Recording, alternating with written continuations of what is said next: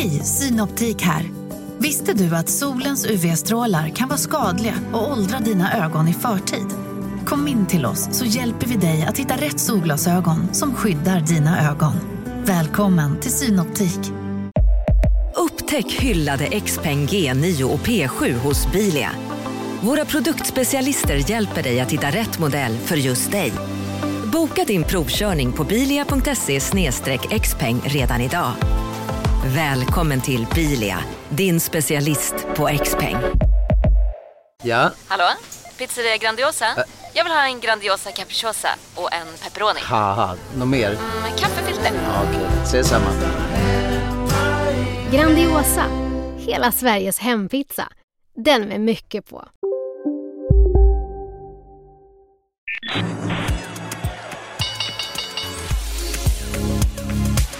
Det här är Affärsvärlden Magasin med Helene Rådstein. Hej och hjärtligt välkomna till podden Affärsvärlden Magasin. Jag heter Helene Rådstein och nu sitter jag här med Joakim Sundell som är svensk vd för PA Consulting och också en av jurymedlemmarna i Årets ledare som är ett ledarskapspris som Affärsvärlden instiftade redan 1984. Jag säger hej till dig Joakim, välkommen hit. Hej Helene och tack så mycket för att jag får vara här. Mm, du jobbar på PA Consulting. Berätta, vad gör ni för någonting? Vi är en managementkonsultfirma med ungefär 3500 medarbetare som arbetar med offentliga och privata klienter i Europa och Nordamerika. Och vad vi gör i praktiken är, man kan man sammanfatta det som att vi sätter ihop eh, kompetensgrupper med strateger, ingenjörer och rådgivare inom olika branscher. Antingen för att utveckla privata verksamheters erbjudanden, tjänster och produkter som de sätter på marknaden ofta med att hjälpa offentliga verksamheter, myndigheter, kommuner, regioner att leverera det uppdrag de har att leverera. Så enkelt uttryckt kan man säga att vi jobbar för att förbättra deras verksamheter. Och vad gör du där då? Jag fokuserar på transportsektorn och har varit i den här konsultbranschen under hela min karriär. Så jobbat i enskilda uppdrag från att ta större och större affärsansvar och i slutändan så fått möjligheten att vara vd för den svenska verksamheten. Vi kommer prata lite om årets ledare senare, men Mm. jag tänkte vi skulle fördjupa oss lite i detta att vara konsult mot transportsektorn. För det är så otroligt mycket pengar som står på spel Mm. inom hela sektorn. Skulle du säga att den är underbevakad av media så generellt? Alltså jag som är väldigt intresserad eh, av det här tycker att det finns väldigt mycket intressant att skriva om och beskriva. Om hur branschen fungerar och inte minst allt eftersom den blir en större och större del av varje människas liv. I allt ifrån långväga resor till eh, sparkcyklar 150 meter mellan två restauranger. Så ja. Kan du kort bara redogöra för vilka aktörer vi har på eh, marknaden som vi pratar om?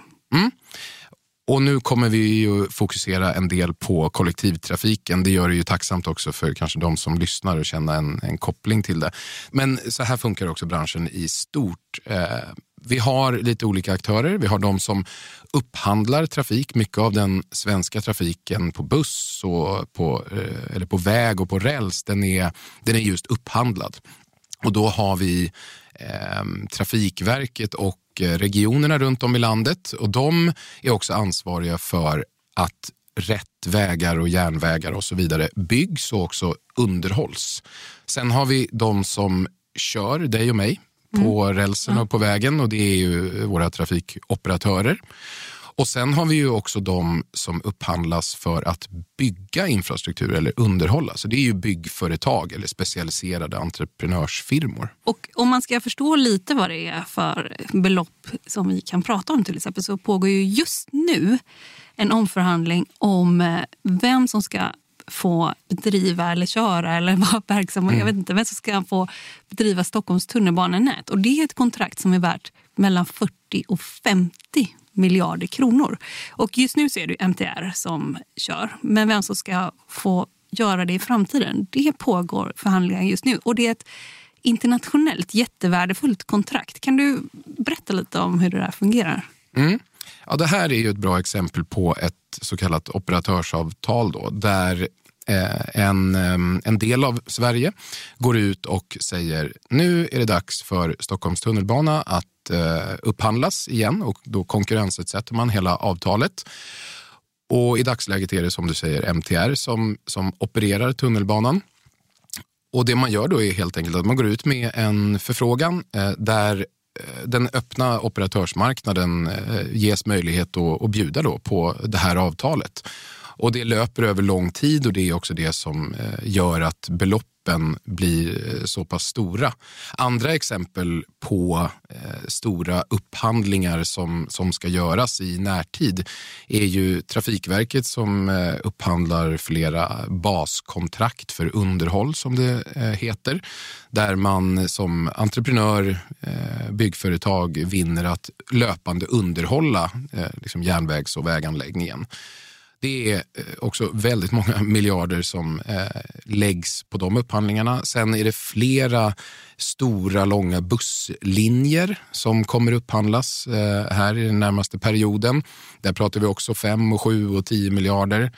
Eh, och inte minst har vi också de investeringar som görs i att bygga ut till exempel Stockholms tunnelbana med eh, mellan 25 och 30 procent. Som ska göras? Det är i planen att, att bygga ut Stockholms tunnelbana både norrut och söderut kan man väl säga förenklat. Och mm. där kommer det ju vara väldigt mycket jobb för eh, stora och mindre entreprenörer att vara en del av den utbyggnaden. Så det är många spännande upphandlingar och, som kommer att göras och avtal som kommer träffas som i slutändan i allra högsta grad kommer ja, men dig och mig och alla andra som använder kollektivtrafiken till godo. Kan du och får du säga någonting om de här eh, skillnaderna i kontrakten vad gäller bussar? För då har vi till exempel Nobina, Keolis och, och lite sådär. Och sen skillnaden mellan de kontrakten och kontra då MTR eller tunnelbanenät. Finns det några sådana stora skillnader? Några viktiga skillnader som finns i avtalen är ju till exempel då hur betalar man operatörerna för det jobb de gör? Det vill säga att frakta människor och om vi pratar annan typ av trafik så kan det vara gods, men framförallt människor då, fram och tillbaka. Och det kan vara att man får betalt för eh, att man ska upprätthålla en viss trafikering.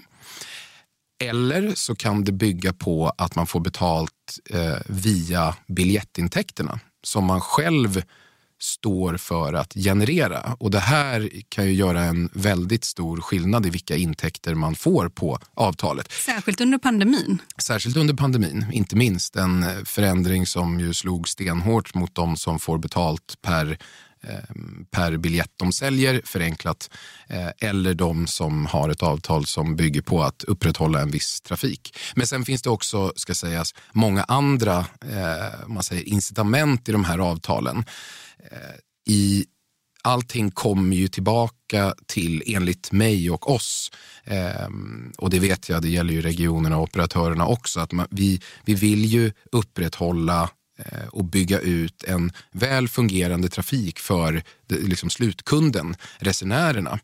Eh, och i avtalen så handlar det om att hitta hur skapar vi avtal som ger störst möjlighet för både beställaren, eh, en region eller Trafikverket och också de som ska köra eh, och trafikera, alltså operatörerna, att göra det här så bra som möjligt för slutresenären. Mm. Det kan till exempel vara mått som kundnöjdhet, trafikvolym och, och så vidare. Och så vidare. Och här finns det ju stora potentialer till utveckling i hur man, hur man tecknar såna här avtal hur det är uppbyggt känns som att det påminner väldigt mycket om hur sjukvårdssektorn är uppbyggd. Håller du med om det? Eller vad säger du om det? Det finns ju många likheter eh, i och med att det är inte samma aktörer, men delvis samma aktörer. Att du har, eh, du har myndighetssidan, du har eh, regionerna eh, och sen så har du i någon mån också privata aktörer. Eh, och det är ju samma sak med, eh, med eh, kollektivtrafiken. Båda ligger eh, liksom mer eller mindre inom regionernas försorg att se till att vi har en både fungerande kollektivtrafik och eh, sjukvård. Och där kan man säkert lära sig väldigt mycket från varandra, vilket naturligtvis görs inom regionerna också. Man delar kunskap och så. Görs det på ett bra sätt?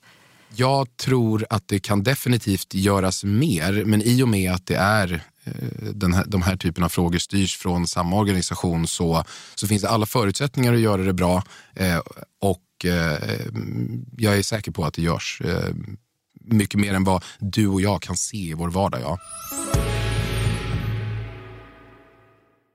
Marknaden sponsras av SPP, pensionsbolaget. Eh, förra gången pratade vi lite om ITP.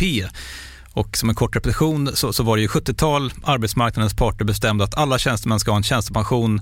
Man kom överens om vilka villkor som ska gälla i den här pensionen och så kallade man den för ITP. Så jobbar man idag som tjänsteman i ett företag med kollektivavtal, då har man förmodligen den här pensionen, ITP-pensionen. Eh, och det är ju så att man kan påverka eh, den här pensionen, hur den är placerad. Vart femte år så gör nämligen Collectum, som de heter, en enorm upphandling där olika pensionsbolag kan ansöka om att få förvalta eh, de här pensionerna. Och SPP är ett av bolagen som valdes ut i den senaste upphandlingen. Och sen kan du som pensionssparare välja eh, vilket av de här olika pensionsbolagen som, som då ska få ta hand om dina pengar. Och tanken med den här upphandlingen är ju att liksom kvalitetssäkra de här olika alternativen eh, men också att förhandla fram stora rabatter så att pensionsspararna ska få ja, kunna spara pengar genom att avgifterna eh, som är så viktiga eh, blir eh, lägre. Och vill man välja någonting i ITP-systemet då finns det en relativt ny sajt som heter avtalat.se. Ehm, där kan man gå in och se hur sin ITP-pension är placerad. Jag gjorde det häromdagen faktiskt. Ehm, idén är att hälften av pengarna alltid ligger i något som kallas för traditionell försäkring. Det här gjorde vi ett avsnitt om i podden Kapitalet nyligen eh, som vi kallade världens bästa sparform. kan man lyssna på om man är intresserad. Eh, den andra halvan eh, den kan man också lägga i en traditionell försäkring eller så kan man placera det i något som kallas för fondförsäkring. Eh, SPP som sagt eh, var ju ett av de fåtal bolagen som valdes ut i den senaste upphandlingen och de finns med som alternativ både med en traditionell försäkring och med eh, fonder. Så det var en liten bakgrund till ITP-systemet. Vill man läsa mer om det här eller typ kolla hur ITP-pensionen är placerad, eh, kanske göra förändringar, då går man in på avtalat.se Eh, men tack säger jag till SPP som vill göra oss människor mer medvetna om hur enormt viktig pensionen är för oss som en framtida lön, men också som en positiv kraft i samhället eh, och förstås för att ni möjliggör eh, den här podden Marknaden. Du lyssnar på Affärsvärlden Magasin med Helene Rådstein. Under pandemin så stresstestades en rad branscher och det gjorde det även inom transportsektorn. Och eh, för att avgränsa oss så pratar vi alltså inte om transport som DHL och e-handel eller liksom rådande brist på halvledare till industrin och så vidare. Utan om vi pratar om passagerare och eh, i vissa fall så tappar man ju liksom så mycket som hälften av sina resenärer. Vad har man tagit med sig skulle du säga från pandemin? Pandemin slog stenhårt mot den här branschen. Jag kan tänka mig att eh, kollektivtrafiken, eh, kulturlivet och restauranglivet är några som verkligen står ut i att ha påverkats väldigt eh, negativt och hårt eh, av pandemin.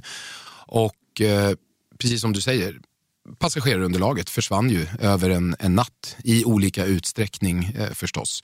Eh, men på både, mm, på både väg och eh, rälssidan.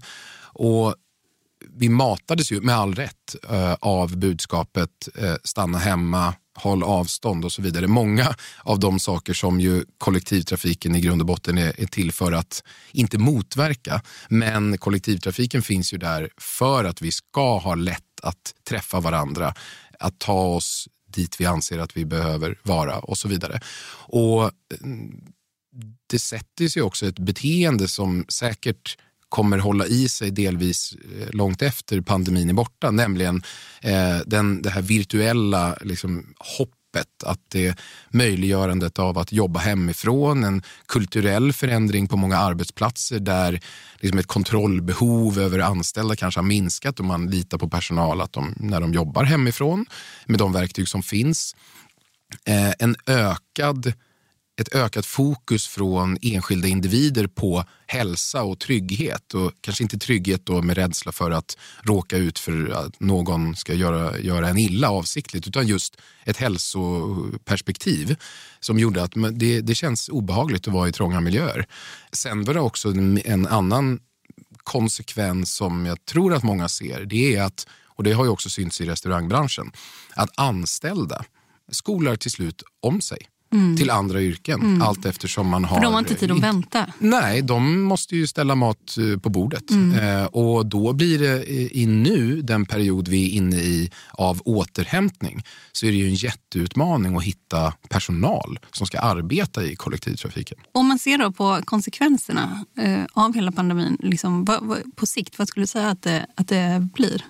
Ja, jag, nu tänker jag på två saker som jag tycker är värda att ta upp. Den ena eh, är, eh, var det en kinesisk eh, utrikesminister eller något sånt där som sa, fick frågan eh, vad ser du har kommit för konsekvenser i Europa av den, eh, av den franska revolutionen? Och då sa han att det eh, återstår att se. Vi pratar om väldigt långa liksom, konsekvenscykler här. Men skämt åsido, det kommer vara en långsiktig sättning eller en lägre eh, passagerarvolym i kollektivtrafiken. Det, eh, så är det. Eh, det är väl det som folk ser. Hur länge det håller i sig, det återstår att se. KTH kom ut med statistik bara här i närtid om att eh, och jag kan ha lite fel här nu, men jag tror att det var att 75 procent av passagerarunderlaget är liksom tillbaka på bussidan och 60 procent på ja, rälssidan. Jag antar att det då handlar om kanske både pendel och tunnelbana.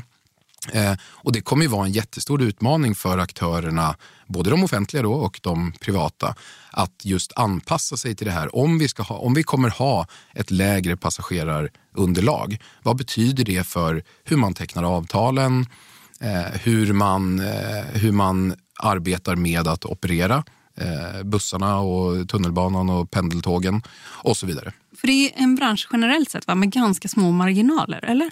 För många bolag är det relativt små marginaler, ja. Så det är redan pressat på jättemånga håll. Ja, och det, gäller, och det här gäller också på entreprenadsidan, alltså de som eh, i investeringsprojekt och, och underhållssidan. Men om man då ser då, vad finns det om vi tänker på två saker? Om nya affärsmodeller som är kanske på gång eller liksom teknisk innovation. Ser vi något där som man pratar om ja, faktiskt inom en rad andra branscher? Så vi har hoppat framåt tio år eller vad man kan höra. Jag höll på att säga för klyschor, för det är faktiskt inte klyschor utan många branscher har ju flyttat fram eller utvecklat sina digitala lösningar till exempel. Kan du säga något där om affärsmodeller och teknisk innovation? Ja, absolut. Även transportsektorn har ju flyttat fram positionerna och insikterna kring Eh, vilken uppsida som finns i att eh, alltså, innovera kring sin egen verksamhet, inte minst med hjälp av ny teknik. Och, eh, en sak som jag och vi verkligen vill lyfta fram det är ju möjligheterna i den enorma mängd information som finns i hela transportsystemet och hur man kan använda informationen som finns i systemet, alltså i fordonen, i själva anläggningen, eh, i eh, informationen om resandemönster och så vidare för att i slutändan förbättra för dig och mig när vi reser i systemet. Alltså så med hjälp av all den informationen att inhämta den, analysera den, strukturera den för att förbättra till exempel punktligheten i, på buss och på rälssidan, alltså pendel och tunnelbana. Eh, att använda den för en mer precis och uppdaterad trafikinformation om hur jag kan ta mig, inte bara från station A till B, utan att jag snarare får det som en tjänst levererat till mig att jag ska ta mig till jobbet. Och det finns varken några hinder egentligen i information eller teknik idag som möjliggör för dig och mig att ha allt det här i telefonen framför oss och se ehm, så här ska du ta dig från A till B till C till D till din slutdestination. De möjligheterna och de som tar tillvara på eh, möjligheten att ehm, använda information eh, för resenärernas i, i slutändan liksom beslut om sin egen resa. De eh, kommer ut som ledare. Ja, för jag har tänkt på det några gånger att det finns ju, eh, man kan ju nästan, nästan aldrig köpa liksom ett paketpris till exempel. Och jag ska hemifrån till, jag ska från en förort i Stockholm till Partille i Göteborg. Då måste jag ändå på egen hand boka Ja, antingen om jag cyklar åt till stationen eller Eller om man skulle ta en Voi och sen eh, tåg och sen en taxi säger vi. Liksom ett sånt paketerbjudande, det finns inte idag, eller hur? Ja, det finns väl embryon till det och det finns definitivt mycket eh, arbete som görs på att titta på hur ska man få till det här? För Mm. att, att efterfrågan på den typen av tjänst då, Ja, smart. den- Liksom min smartaste resa. Mm. Ja. Det råder inga tvivel om att efterfrågan finns. Eh, Och då blir följdfrågan, hur ska branschen, eftersom det här handlar ju om flera olika aktörer, de måste både förstå hur ska man kunna ta betalt direkt eller indirekt för en sån här typ av tjänst. Vilka aktörer måste gå med på att vara en del av den här typen av samarbete? Hur ska man få ihop verksamheterna i praktiken för att leverera den här tjänsten? Och vilken typ av ja men, förenklat systemlösningar behöver vi ha? Så det är både en teknisk och också en affärsfråga.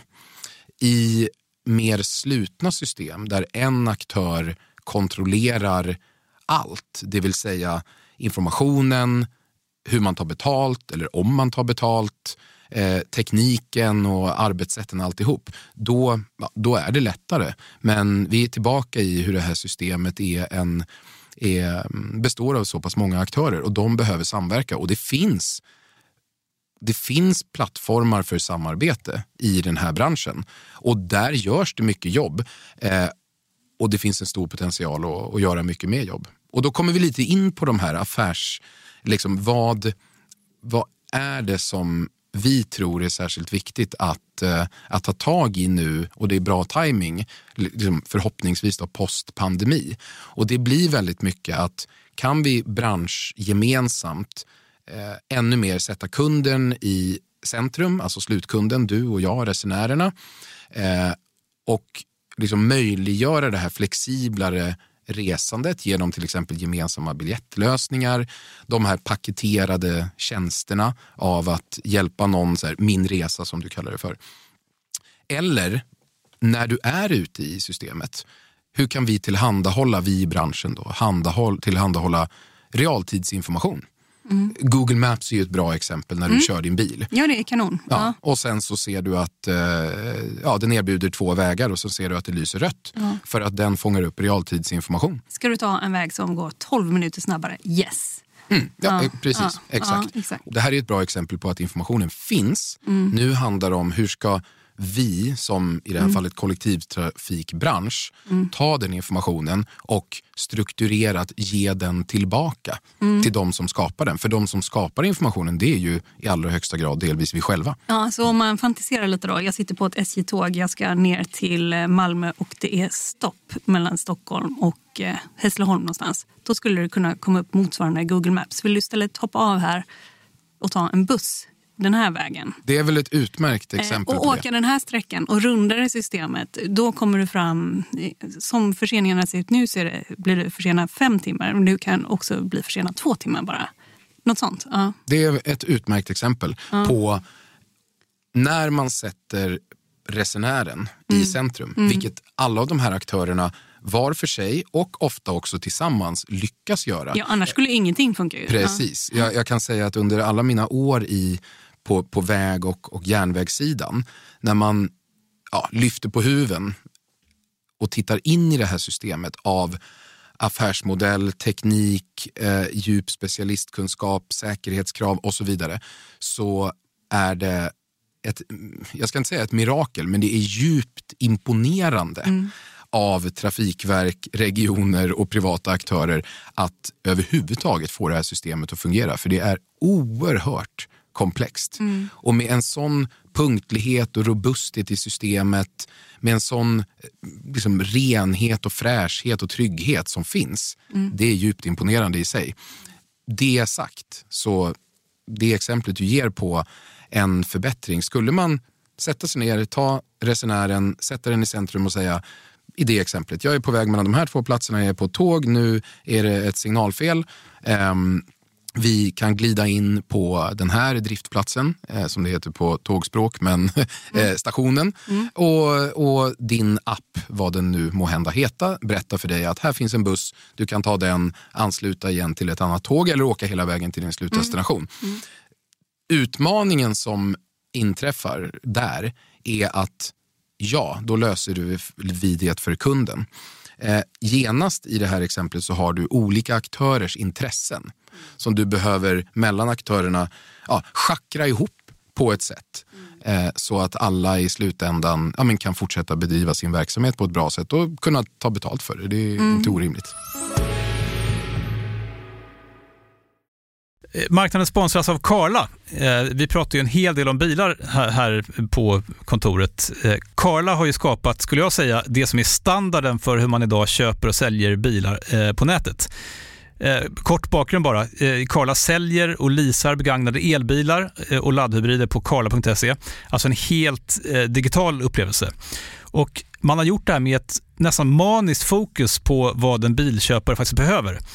Jag gjorde ju en intervju med en av grundarna, Patrik Illerstig, i marknaden här eh, ganska nyligen, eh, daterad 25 mars, om man vill lyssna på den.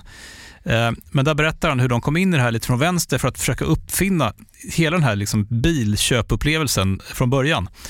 Och de har idag, vilket är rätt otroligt, 4,8 i betyg eh, på Trustpilot. Jag, jag har sett många företagssidor på Trustpilot, men det här är nog bland eh, det bästa jag någonsin sett eh, faktiskt. Man kan sälja bilen till Karla också. Eh, då går man in på karla.se, delar lite info om bilen, sen får man en gratis värdering och ett bud.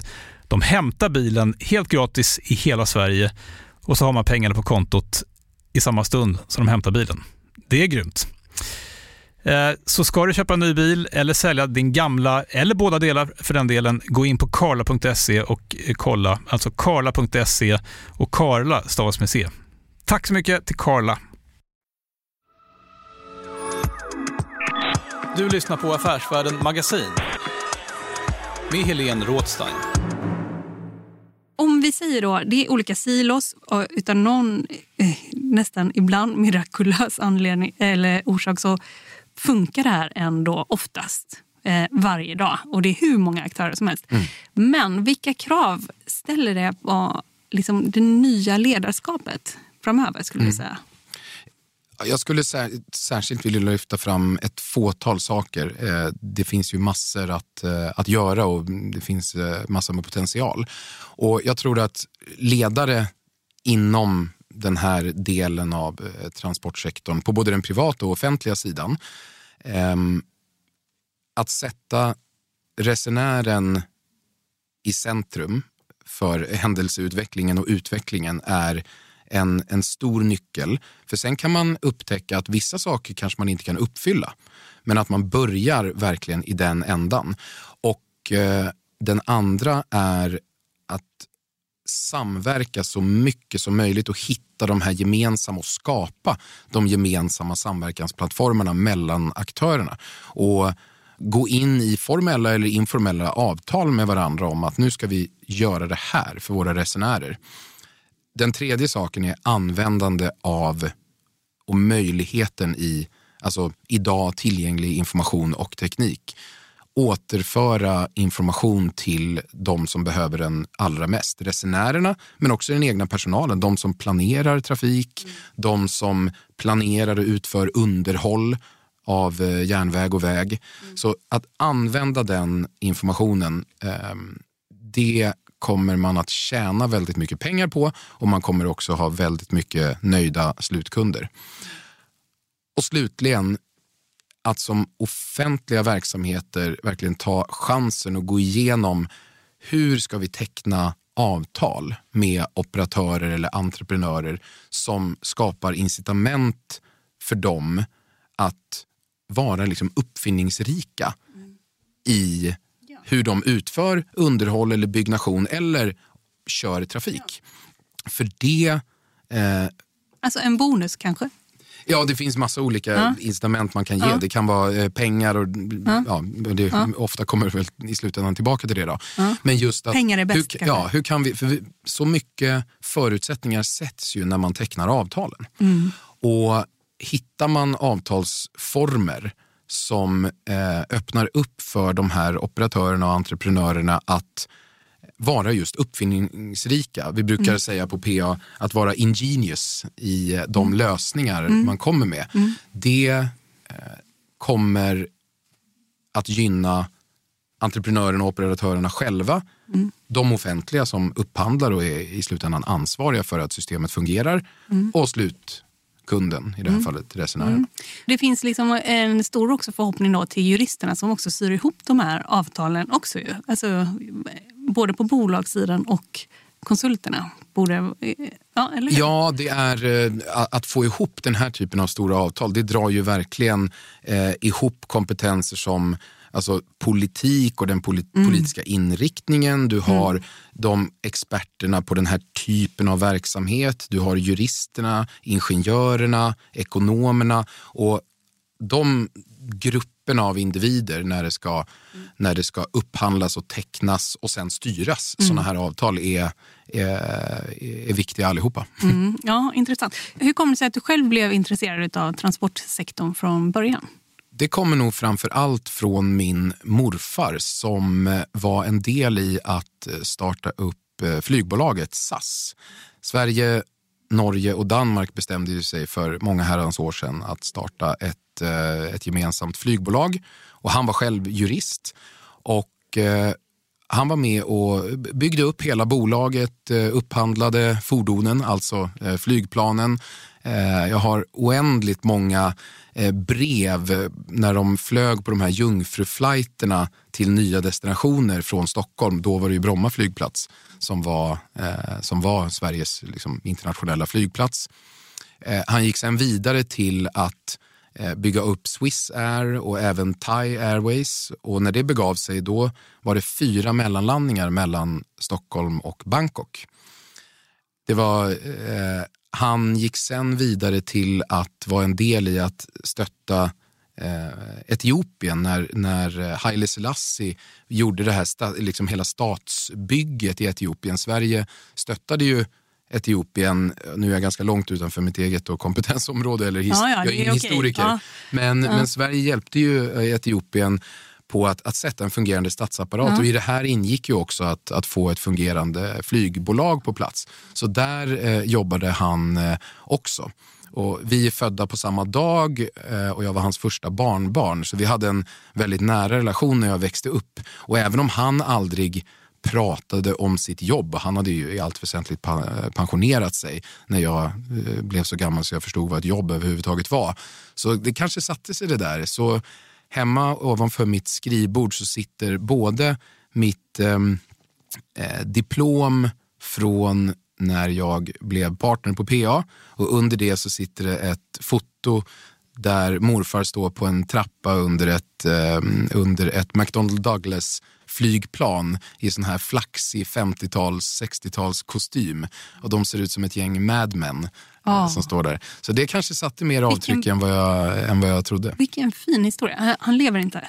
Nej, det gör han inte. Nej, det lät så när du pratade så här imperfekt. Ja, Ja. Vilket intressant yrkesliv. Också när världen öppnar upp och man tänker nu är det så digitaliserat, alla kan prata med varandra. Men det har ju också en gång i tiden öppnat upp på ett annat sätt. Ja. Mm. Alltså rent så fysiskt. Ja, det är intressant att du tar upp det. Vi, ehm, alltså utveckling sker ju ibland i alla fall i alltså ganska stora hopp från plattform till plattform om man säger så. Och ehm, jag menar, flygindustrin, den, den fanns inte och sen fanns den. Eh, när vi, det samtal vi har haft idag om kanske framförallt kollektivtrafik på väg och, och järnväg. ehm, det är ju en, en digital revolution. En digital plattform som finns där. Och nu är frågan vilka kommer att ta bäst och mest eh, och dra bäst och mest nytta av, av all den här informationen som finns och vad vi kan göra med den. Så även om det kanske inte är lika fysiskt påtagligt som att vi har inget flygbolag, nu har vi ett flygbolag och vi fraktar massa folk. Eh, idag är det ju folk åker i kollektivtrafiken. Så den här revolutionen kanske inte är lika synlig, men för alla aktörer myndigheter, regioner och aktörer så är den väldigt synlig och alla söker efter sätt att, att, eh, att eh, ta del av den. Ja, men jag tycker också, även om det kanske är eh, en annan genre, så tycker jag också att om man tar den digitala utvecklingen så ser man ju så här nya aktörer, Flixbus eller vad de heter till exempel och Uber och sådär. Och det kan ju bara vara början på något ju, mm. som blir så digitalt som kommer in på andra ställen. Flixbus, det här tyska bolaget, de, de kommer också in som tåg till exempel senare. Mm. De är mm. ganska app-fixerade mm. från början till exempel. Ja, ja det, det kanske de är. Och eh, de är väl också ett bra exempel på hur eh, fler och fler internationella aktörer som inte är i Sverige idag intresserar sig mer och mer för den svenska både kollektivtrafik, eh, kollektivtrafiken och övrig trafikering också. Eh, det ser vi ju en, en ökat intresse för fjärrtågtrafik, eh, passagerare, gods, eh, för kollektivtrafik. Så det är, det är ett stort intresse och flera eh, idag inte närvarande aktörer är på väg in på den svenska marknaden. Och det sätter ju press på befintliga aktörer, konkurrens mm. kort och mm. gott. Mm. Men det ger samtidigt en stor möjlighet för branschen att liksom, ta ett skutt och utvecklas. Mm tillbaka till årets ledare. Du sitter eh, som en jurymedlem där och det är första gången som du sitter som jurymedlem vet jag, mm. i årets ledare. Även om det har funnits företrädare från PR Consulting tidigare. När man ska utse, då, vi har pratat om ledarskap här inom transportsektorn och så. Vad skulle du säga har slagit dig mest när ni sitter? Det är ganska gediget arbete bakom vet jag, att med listor och sådär. Ja. Det är ett mycket gediget arbete och jag är stolt för att vi som företag är med i den juryn och också att jag får vara representant. Eh, min kollega Oskar har ju varit mm. representant mm. i, i, flera år Oskar Almén. innan. Precis. Mm. Eh, som jobbar med energisektorn som mm. också har mycket likheter med transportsektorn i övrigt, inte mm. minst på infrastruktursidan. Mm. Hur som helst, eh, ja det är verkligen ett gediget arbete och det är ju mycket med all rätt hemlighetsmakeri kring, eh, kring hela eh, processen att identifiera och utnämna den här individen. Så nu när jag själv för första gången befinner mig på insidan så har jag eh, imponerats av det arbete och den tid eh, och energi som läggs ner i processen. De andra jurymedlemmarna eh, är ju minst sagt välrenommerade. Och ehm, alltså noggrannheten i att gå från bruttolista till nettolista på personer för att sen göra eh, en, en riktig rejäl vetting så att säga mm. Eh, mm. av kandidaterna är, djupt imponerande.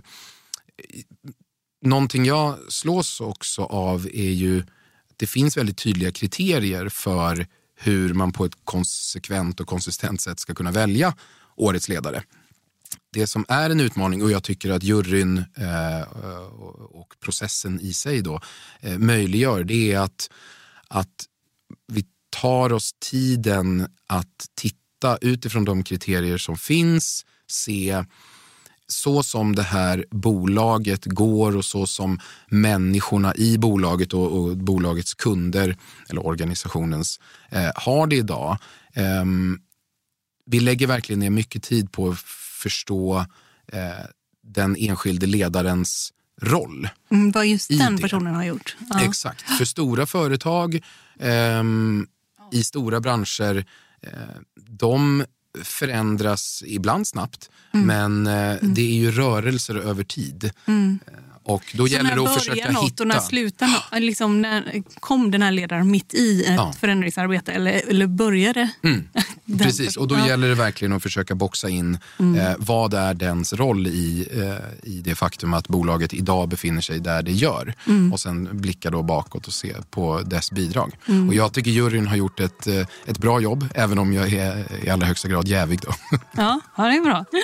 Jag säger tack till dig Joakim Sundell, vd för PR Consulting, för att vara med i podden Affärsvärlden Magasin. Tack för att du kom hit. Tack så mycket.